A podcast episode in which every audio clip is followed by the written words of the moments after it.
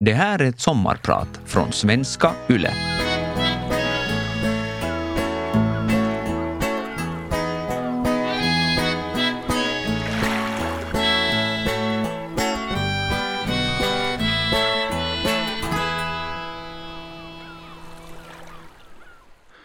När jag skulle födas promenerade min mamma ensam från kåkstaden i Fredriksberg, Fredikan, genom Djurgården till den nya kvinnokliniken i Helsingfors.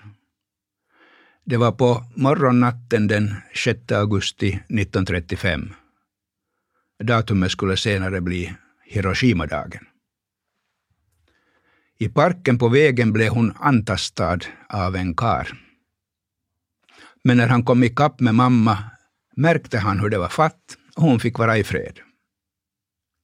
På hemvägen från BB stannade vi till på besök hos min mormor som bodde på Mannerheimvägen. Aj, aj vad han är nätt, sa mommo. Hon hade själv fött sju bebisar, så hon var expert.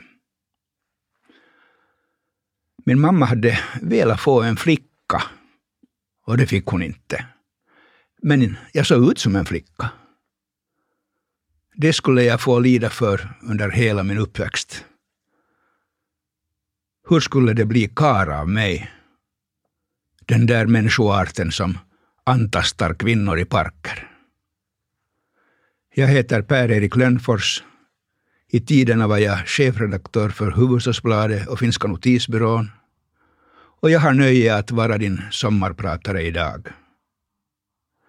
Eh, det är någonting som jag kanske borde passa för. Jag pratade mycket som barn. Min mamma kallade mig för preppelskägg. Nå, någonting manligt är det i det åtminstone.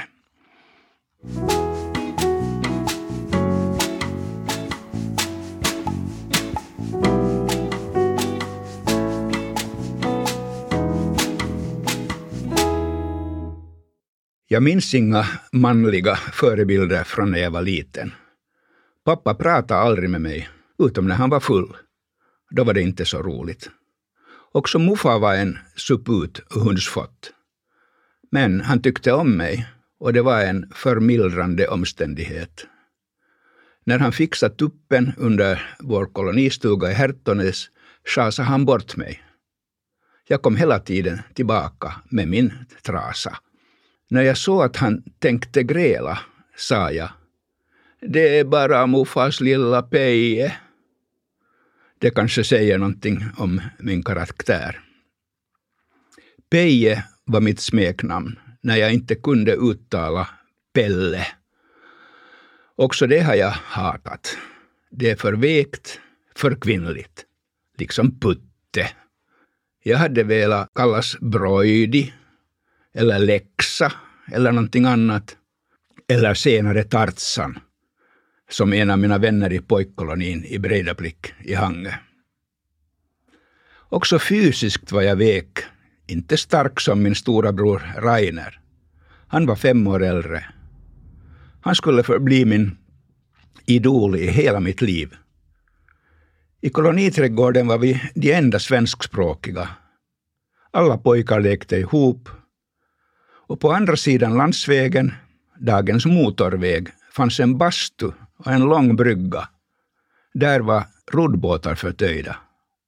En gång när jag var fem och Rainer tio brassade vi vid bryggan. Vi stod i roddbåtarna och gungade dem. En Roisi kunde gunga för hårt. Rainer sa att han skulle lugna sig när jag var i båten. Plötsligt pluttade jag. Jag såg bara gröna växter och bubblor. Men jag blev uppdragen. En stund senare satt den där elaka typen vid bryggans ända och kacka. Då gick Rainer och skuffade honom i Sköne. Där plaskade han sen i sin egen skit. Det var min stora bror det, min manliga förebild. Vi var tre bröder, utom Rainer min tre år yngre lillebror Sven. Inga flickor. De förblev gåtfulla varelser. Jag hade nog fyra vackra mostrar, men de räknades inte. Jag tyckte inte om när de hela tiden pajade mig. Så gör man inte med en kar. I grannstugan fanns ändå en flicka, vi kan säga att hon hette Leila. Hon var ett par år äldre än jag. Hon lockade mig upp på kolonistugans trånga vind för att leka doktor. Mina gynekologiska studier gav mig en anatomisk kunskap, men ingen inblick i kvinnans själ. När det gällde den förblev jag en romantiker. Jag drömde om att rädda vena prinsessor ur vilddjursgap. Leilas pappa var också romantiker. Han hade god sångröst och uppträdde på koloniträdgårdens sommarfester. När han övade på Kesäyön valsi fuktade han strupen så flitigt att uppträdande torkade in. Senare gick Leila och jag skilda vägar. Jag var krigsbarn i Sverige. När vi träffades på koloniträdgårdens gamla invånares årliga sommarmöte 80 år senare berättade hon att också hon var i krigsbarn. Sen hade hon gift sig tidigt med en mycket manlig person, en bodybuilder, och han dog tidigt. Om vad vi hade gjort på hennes vind talar vi inte, men jag tror att hon fortfarande tyckte om mig. Leila hade haft många karrar i sitt liv. Jag hade haft färre kvinnor. Och det tog många år innan jag igen kom dem in på livet. Jag var krigsbarn tre gånger. Sista gången for vi med mina bröder från Mariehamn till Sverige. Mamma fick inte komma med. Hon stannade i Finland som pant, eller gisslan för oss. Det var en mörk och stormig natt i mars. Rainer var 14 år, jag 8 och lilla Sven 5. Jag minns ännu klart hur allvarstyngd Rainer såg ut när vår farbror, kyrkoherden, sa att Rainer nu får ha ansvaret för sina små bröder. Jag litar på min stora bror. Som alltid.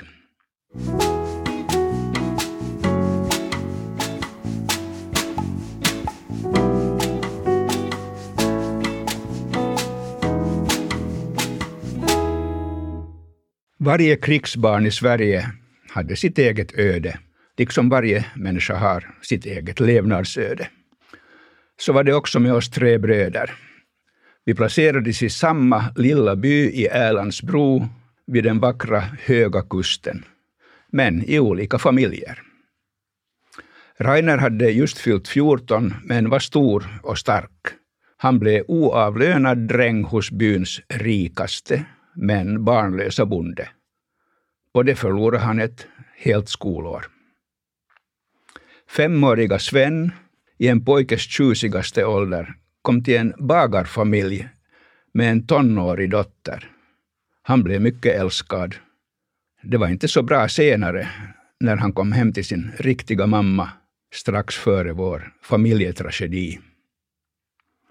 Själv kunde jag som åttaåring varken fylla något känslobehov eller vara nyttig med någon arbetsinsats.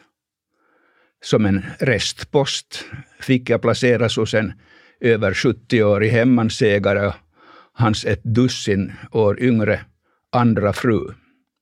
I motsats till Sven kallar jag henne aldrig för mamma, utan tant Anna. Farbror Norberg var en fin gammal man, men ingen fadersgestalt. Han satt strängt upptagen i sitt kontor som kommunalordförande. Utanför kontoret sov jag i en bäddsoffa med trälock. Redan under mina första dagar i Sverige sattes min manlighet på prov. Det hände som brukligt i Kälkbacken. En stygg pojke, som vi kan kalla Måns, var ful i munnen. Flickorna runt oss sa ”Du som är finne kan ju slå honom på käften”.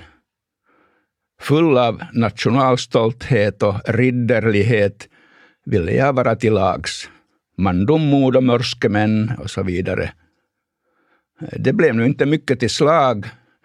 Måns grät inte ens, men det sipprade en droppe blod från hans mungipa. Jag kände mig inte alls stolt, snarare skamsen. Som Pelle Svanslös om han hade slagit till Måns. Vad kan inte en Maja Gräddnos åstadkomma? I själva verket ville jag vara en snäll pojke. Som gäst i ett främmande land kände jag mig som ansvarig representant för mitt land och min familj. Jag ansträngde mig för att vara till lags. Det var säkert hämmande på alla slags känsloyttringar. Han är lätt agad, hörde jag tant Anna säga i telefon om mig. I brist på fadersgestalt blev drängarna mina manliga förebilder. De sa jajamän när de satte in snus under överläppen. När de spottade ut mullbänken sa de jajamensan. Jag klädde mig som de i blåställ och hade en morakniv i bältet. När jag skar mig ett par gånger sa jag ingenting, utan tog i smyg själv hand om såren. Jag har ärren kvar som bevis. Det kan finnas också andra slags ärr. En gång fick jag i uppdrag att döda ett halvt dussin kattungar utan vidare instruktioner. Några av dem lyckades jag dränka, andra slå ihjäl. Men den sista var seglivad, sprattlade förtvivlat med sitt öga hängande från en sträng. En regnsåde fick någonting skumt i ögonen och gjorde slut på plågan. Mitt förhållande till flickor undergick inga förändringar. Men den stygga Måns lockade mig med sig när en kviga fördes till tjuren. Dit skulle jag inte ha fått gå, sa tant Anna. Men det blev en skakande upplevelse. Min romantiska ådra fick ändå ingen åderlåtning. Det var ju ändå fråga om djur. Men jag fick den uppfattningen att det var tjuren som var den aktiva parten.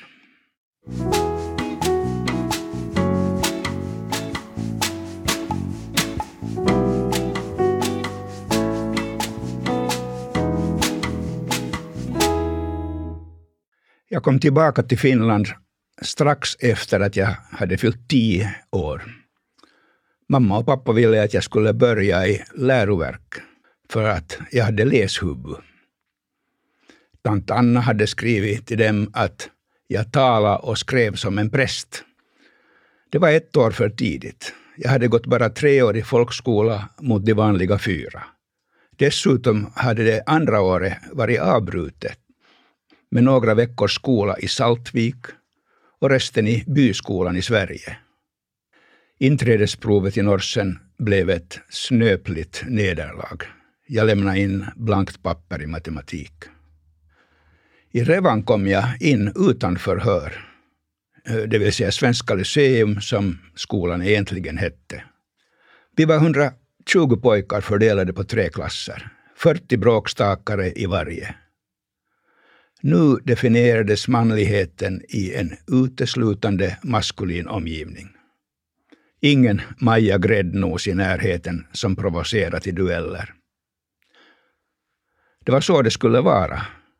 Rektor Yrjas ansåg att flickor och pojkar ska separeras mellan 10 och 15 års ålder. Flickor utvecklas då så mycket snabbare, både fysiskt och mentalt. Det var illa för pojkarna att tvingas inse sin underlägsenhet. Det kunde ju utså tvivel på att de var skapelsens herrar. Dessutom skulle flickor ha gjort det svårare för Yrjes att förverkliga sin education by örfil, uppfostran med handflatan. För att bli ansedd som kar gällde det att visa mod, styrka eller som sista utväg bråkighet. Jag var yngst och nästan minst i klassen och valde ingen av de här metoderna. Istället gömde jag mig. Markerade efter att någon redan fått frågan i hopp om att det skulle fastna i magisterns synminne. Om jag ändå fick frågan tydde jag mig till kamraternas viskningar. Ibland gick det på tok. När jag skulle säga vilka folkslag som bor i Belgien svarade jag grevar och baroner. Viskningen var flemer och valloner. I gymnastiken kunde jag inte komma upp en centimeter när vi skulle klättra i rep. I Fölkerboll gömde jag mig bakom de andra och lyckades bli den sista att bli koddad. Koppi kunde jag aldrig ta. Min bror Rainer blev senare rektor i samma skola. När jag en gång ringde till min son Fredrik på hans jobb svarade en Hans Virtanen. När jag sa mitt namn sa han att min bror hade räddat hans liv. Jag frågade hur. Han svarade, jag var mobbad i Revan. Din bror var jumpalärare och märkte det. Han tog mig till gympasalen och lärde mig slå. Jag behövde slå bara en gång. Sen blev jag aldrig mer mobbad. Det var inte enligt de börsetiska reglerna, men i det fallet fungerar metoden. Hans fick både vara i fred och fick självrespekt. Han blev en kar. I djungeln råder djungelns lag, ingen annan.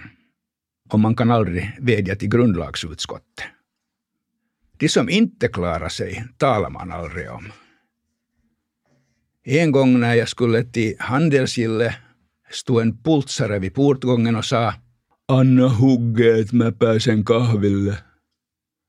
Jag anade en svag accent och frågade om finska var hans modersmål. Kylmon täytyy tunnustaa, että se on ruotsi, sa han. Det visade sig att han fötts på Bojes sjukhus på Boulevarden, gått i Annegatans folkskola och några år i Revan. Jag sa att vi var skolkamrater, att jag också gått i Revan. Och jag berättade vad jag hette. Aj, du är stackars Broidi. Han var den bästa rexi jag någonsin haft. Poltsaren fick mer än en hugge. Vi revakunder håller ihop. Mitt namn är Per-Erik Lönnfors och idag är jag din sommarpratare.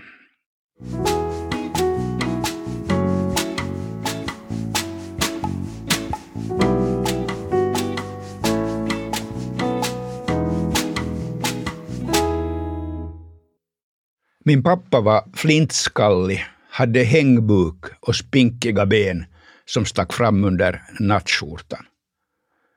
Jag var Tarzans son. Varför var pappa inte Johnny Weissmuller? Min far var hälsoinspektör. Han kollade hygienen i butiker och på krogar. En manschettproletär med skjorta och kravatt. Och lös krage för att spara på skjorttvätt. Den skötte mamma som hemmafru. Hon var arbetarklass. En avgrund lägre än pappa. Att pappa aldrig blev min manliga förebild kan också ha berott på vår familjetragedi. Det var den 9 januari 1947, första skoldagen efter jullovet. Jag var ensam hemma med mamma. Det ringde på dörren. En tant stod utanför och såg allvarlig ut. Mamma slet åt sig sin kappa och sprang utan ett ord. Min bror Sven var sju, jag elva. Han hade gått ner sig genom isen i Brunnsparken med sparkstötting tillsammans med en skolkamrat. Den andra pojken klarade sig, men inte Sven. Mamma satt på kirurgen och gned hans fötter medan läkarna försökte få liv i honom. Mamma tillät ingen obduktion. Hon sa att kalvar kunde dö när de blev rädda. Mamma tog Rainer och mig med sig för att säga adjö åt Sven. Pappa vägrade komma. Vi såg Sven bland de andra liken.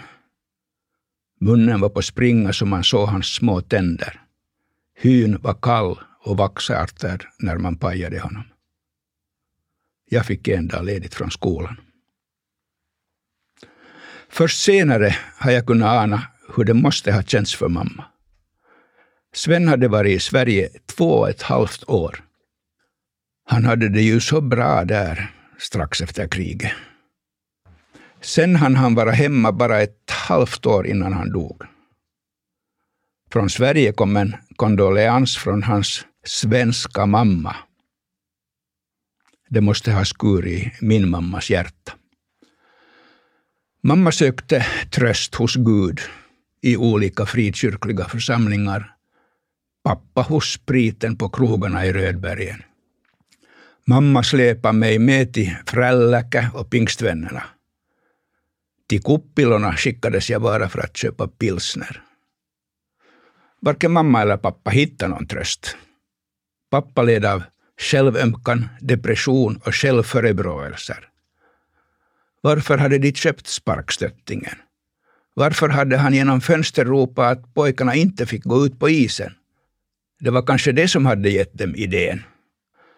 Mamma var starkare, men spriten ledde till gräl. En gång blev det så högljutt att grannarna ringde till polisen. Strax stod två blåklädda konstaplar utanför dörren och frågade ut pappa, som var from som ett lamm. När jag mötte grannarna nästa dag tittade jag i väggen. Tala inte med mig om skam. Min skola blev förstås ett helvete. Jag fick villkor två gånger och stannade till slut på femman. Det var egentligen bra för då hamnade jag bland jämnåriga. Mamma stod ut tills jag skrev studenten. Då sökte hon om skilsmässa. Alla var emot henne. Förstås pappas familj, men också lagen och hela samhället. Dessutom var det en ekonomisk katastrof för mamma. Hon var 50 år och hade bara gått sex år i folkskola. Hemmafrun var mannens ekonomiska pantfånge på den tiden. Inte riktigt som på Charles Dickens tid, när kvinnan hade att välja mellan köket och gatan, men ditåt. Då hatade jag patriarkatet, för mammas skull. Mamma fick stå sitt kast. Hon försökte starta en textilhandel, men gick i konkurs. Hon försökte på nytt i Lappträsk och lyckades. Hon blev svårt sjuk, men klarade sig och kom till mitt bröllop i New York. Där jobbade hon illegalt som kokerska i en rik familj och drömde om att bli en ny Sally Salminen. Sen när hon kom hem måste hon som 60-åring igen bli piga, som hon hade varit när hon var 13. Det var det värsta skällsord som fanns på den tiden. Piga. Jag har skrivit en bok om min mamma. Anna född Lindström heter den. Jag berättar inte det här för att tigga om medlidande. Jag berättar det för att påminna om att det också idag finns tiotusentals hem som är lika trasiga som mitt var. I dem lever elvaåriga flickor och pojkar. Det bästa vi kan göra är att försöka hjälpa dem till bättre livsöden än det som drabbade pultsaren som hade fötts på Bojes sjukhus och gått till Annegatans folkskola och några år i Revan.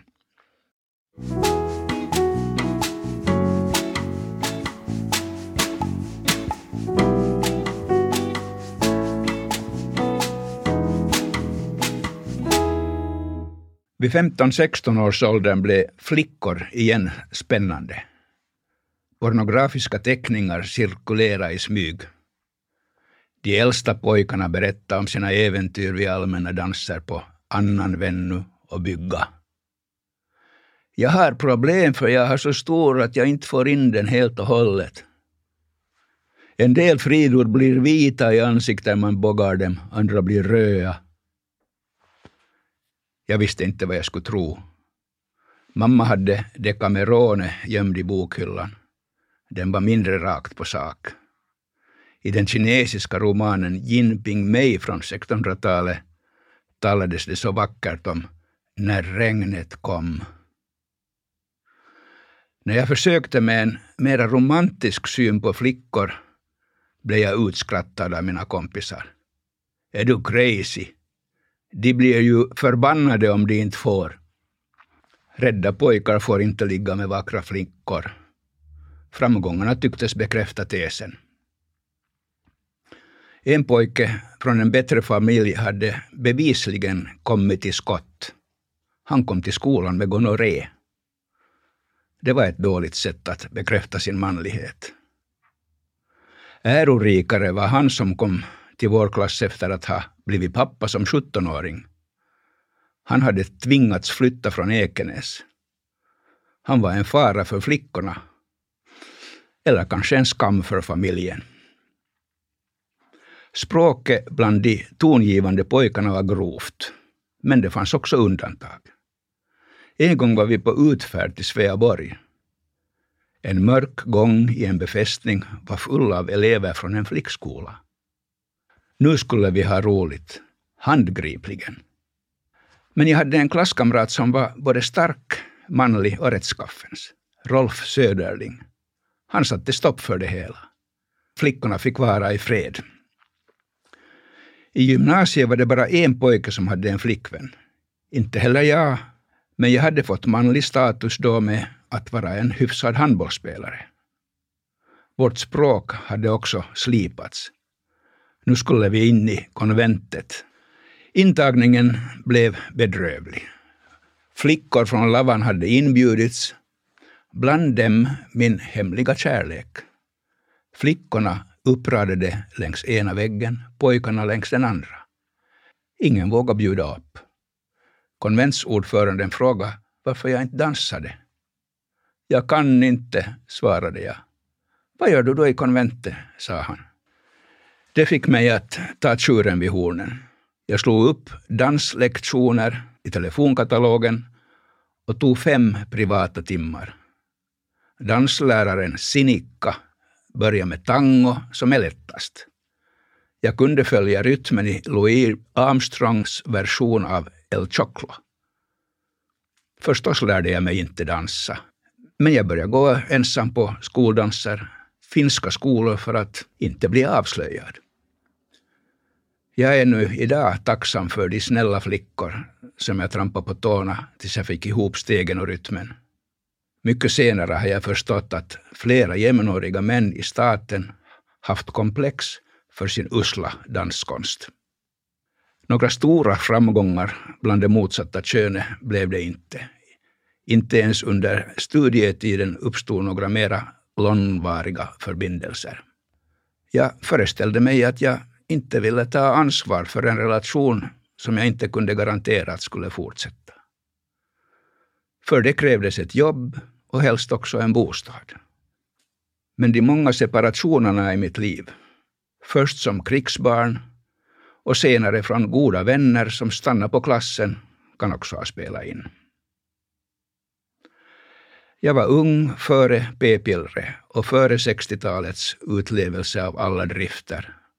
Det tog lång tid innan jag kunde bekräfta min sexuella läggning. Det var den tidens sätt att bevisa att man var kar. Liksom den där gången i kolonistugan var det flickan som höll i taktpinnen. Alla andra könsliga konstellationer hade på den tiden varit kriminella.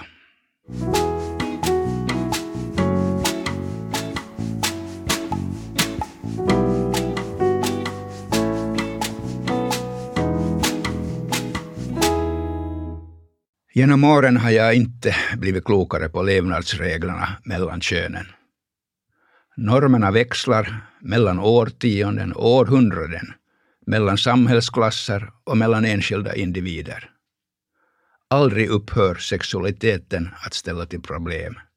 På få områden hittar man lika mycket förljugenhet. Ett fall för 25 år sedan kom mig nära in på huden. Jag var verkställande direktör och hade en ekonomichef som jobbat bra i tio år. Så märkte jag att han hade ett kuckeliku med sin kurviga kvinnliga bokförare. Hon föreföll att spela med. Samtidigt började han trakassera sin övriga personal. Jag beslöt att göra mig av med honom. Men jag ville vara hygglig och gav honom sex månaders respit innan han måste sluta. Han tecknade under ett avtal med närvarande ögonvittne. Men efter några dagar vände han kappan, ryggade avtalet och gick till styrelsen med en beskyllning om olaglig uppsägning. Han räknade med att jag hade en fiende i styrelsen. Före det hade ekonomichefen ändå försökt mobilisera sin söta unga hustru som stöd. Jag kunde inte förmå mig att spräcka hennes illusioner och kanske deras äktenskap. Det blev en rättssak. Styrelsens ordförande skaffade en av landets bästa och skarpaste advokater. Det första han frågade var, är det en kvinna involverad? Jag bara gapade. Ingen hade sagt någonting om någon kvinna. Men han visste. Cherche la femme, som fransmännen säger. Sök kvinnan. Enligt patriarkatets oskrivna lag läggs skulden genast på kvinnan.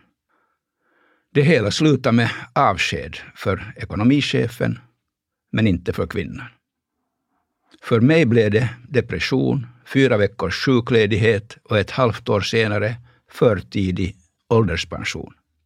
Det var egentligen precis vad jag önskade. Jag ville börja skriva. Och det har jag nu gjort i 25 år.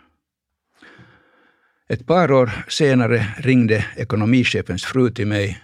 Med gråten i halsen sa hon att jag hade haft rätt. Det hade blivit skilsmässa. Lady Macbeth hade knappast dykt upp i Shakespeares fantasi ur tomma intet. Skurken Iago, som med sina intriger fick död både på Desdemona och Othello, finns också i verkligheten. De är svåra att ha att handskas med. Ofta har det att göra med makt. Makt förutsätter en viss känslolöshet. Åtminstone en förmåga att behandla människor som marionetter eller verktyg. Men också känslokalla människor har sexuella behov. De tillfredsställer dem med de medel som står dem till buds. Det går effektivt, utan tidsspillan. Henry Kissinger sa att makt är ett afrodisiakum, ett kärleksmedel. Evidensen för det har hittills hittats mest bland männen. Det är de som har haft mest makt. För det var knappast Katarina den stora som Kissinger tänkte på.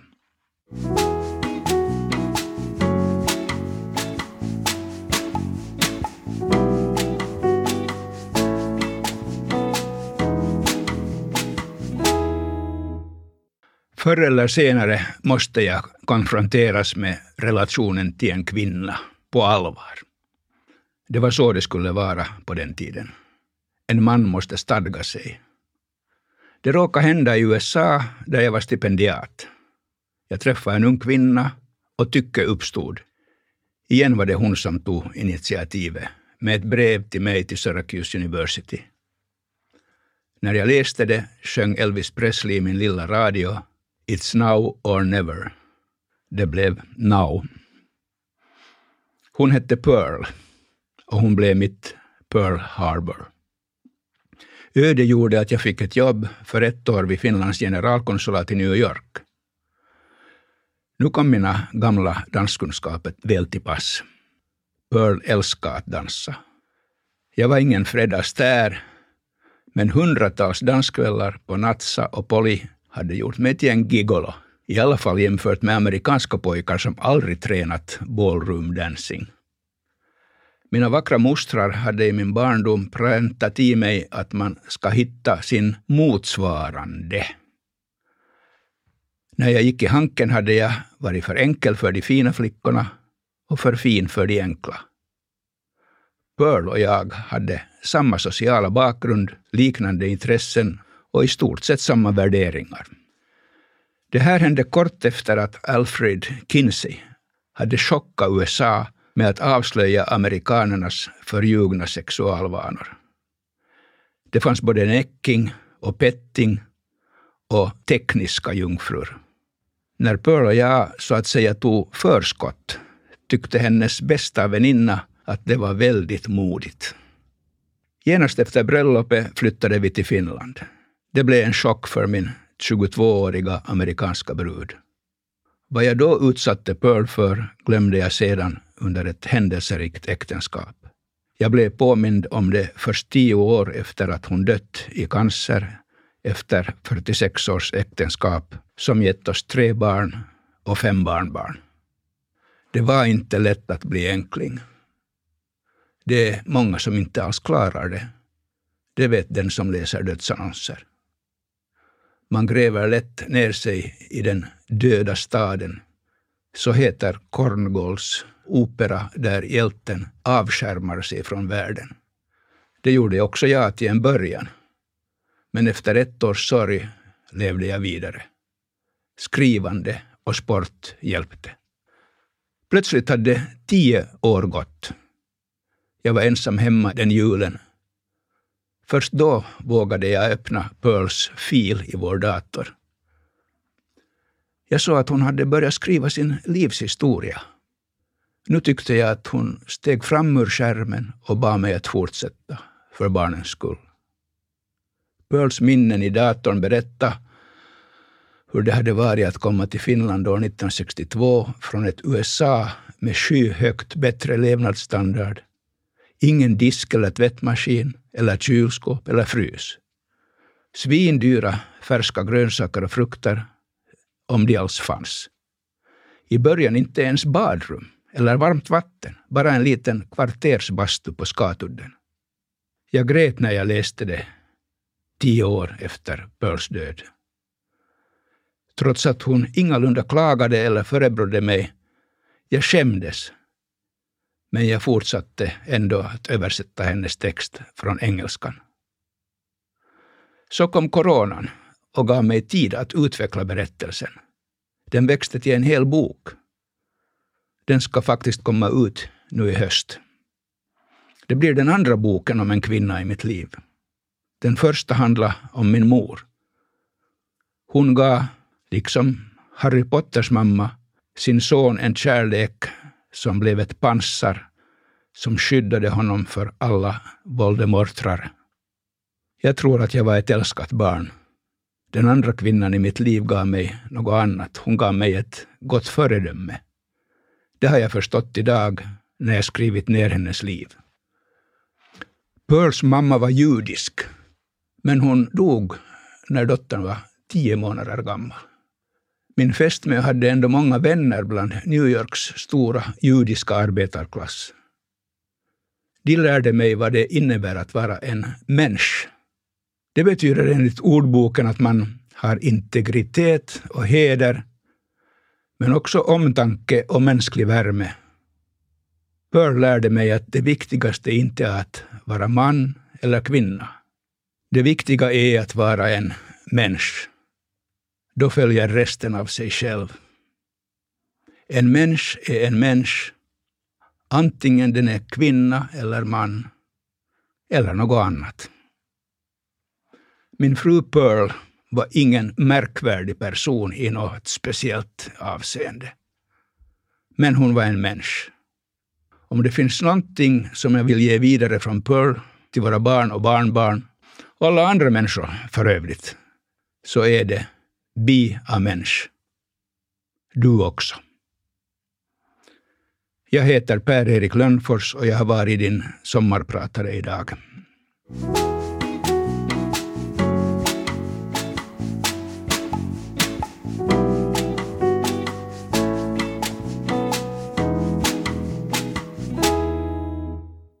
Vegas sommarpratare produceras för Svenska Yle av Parad Media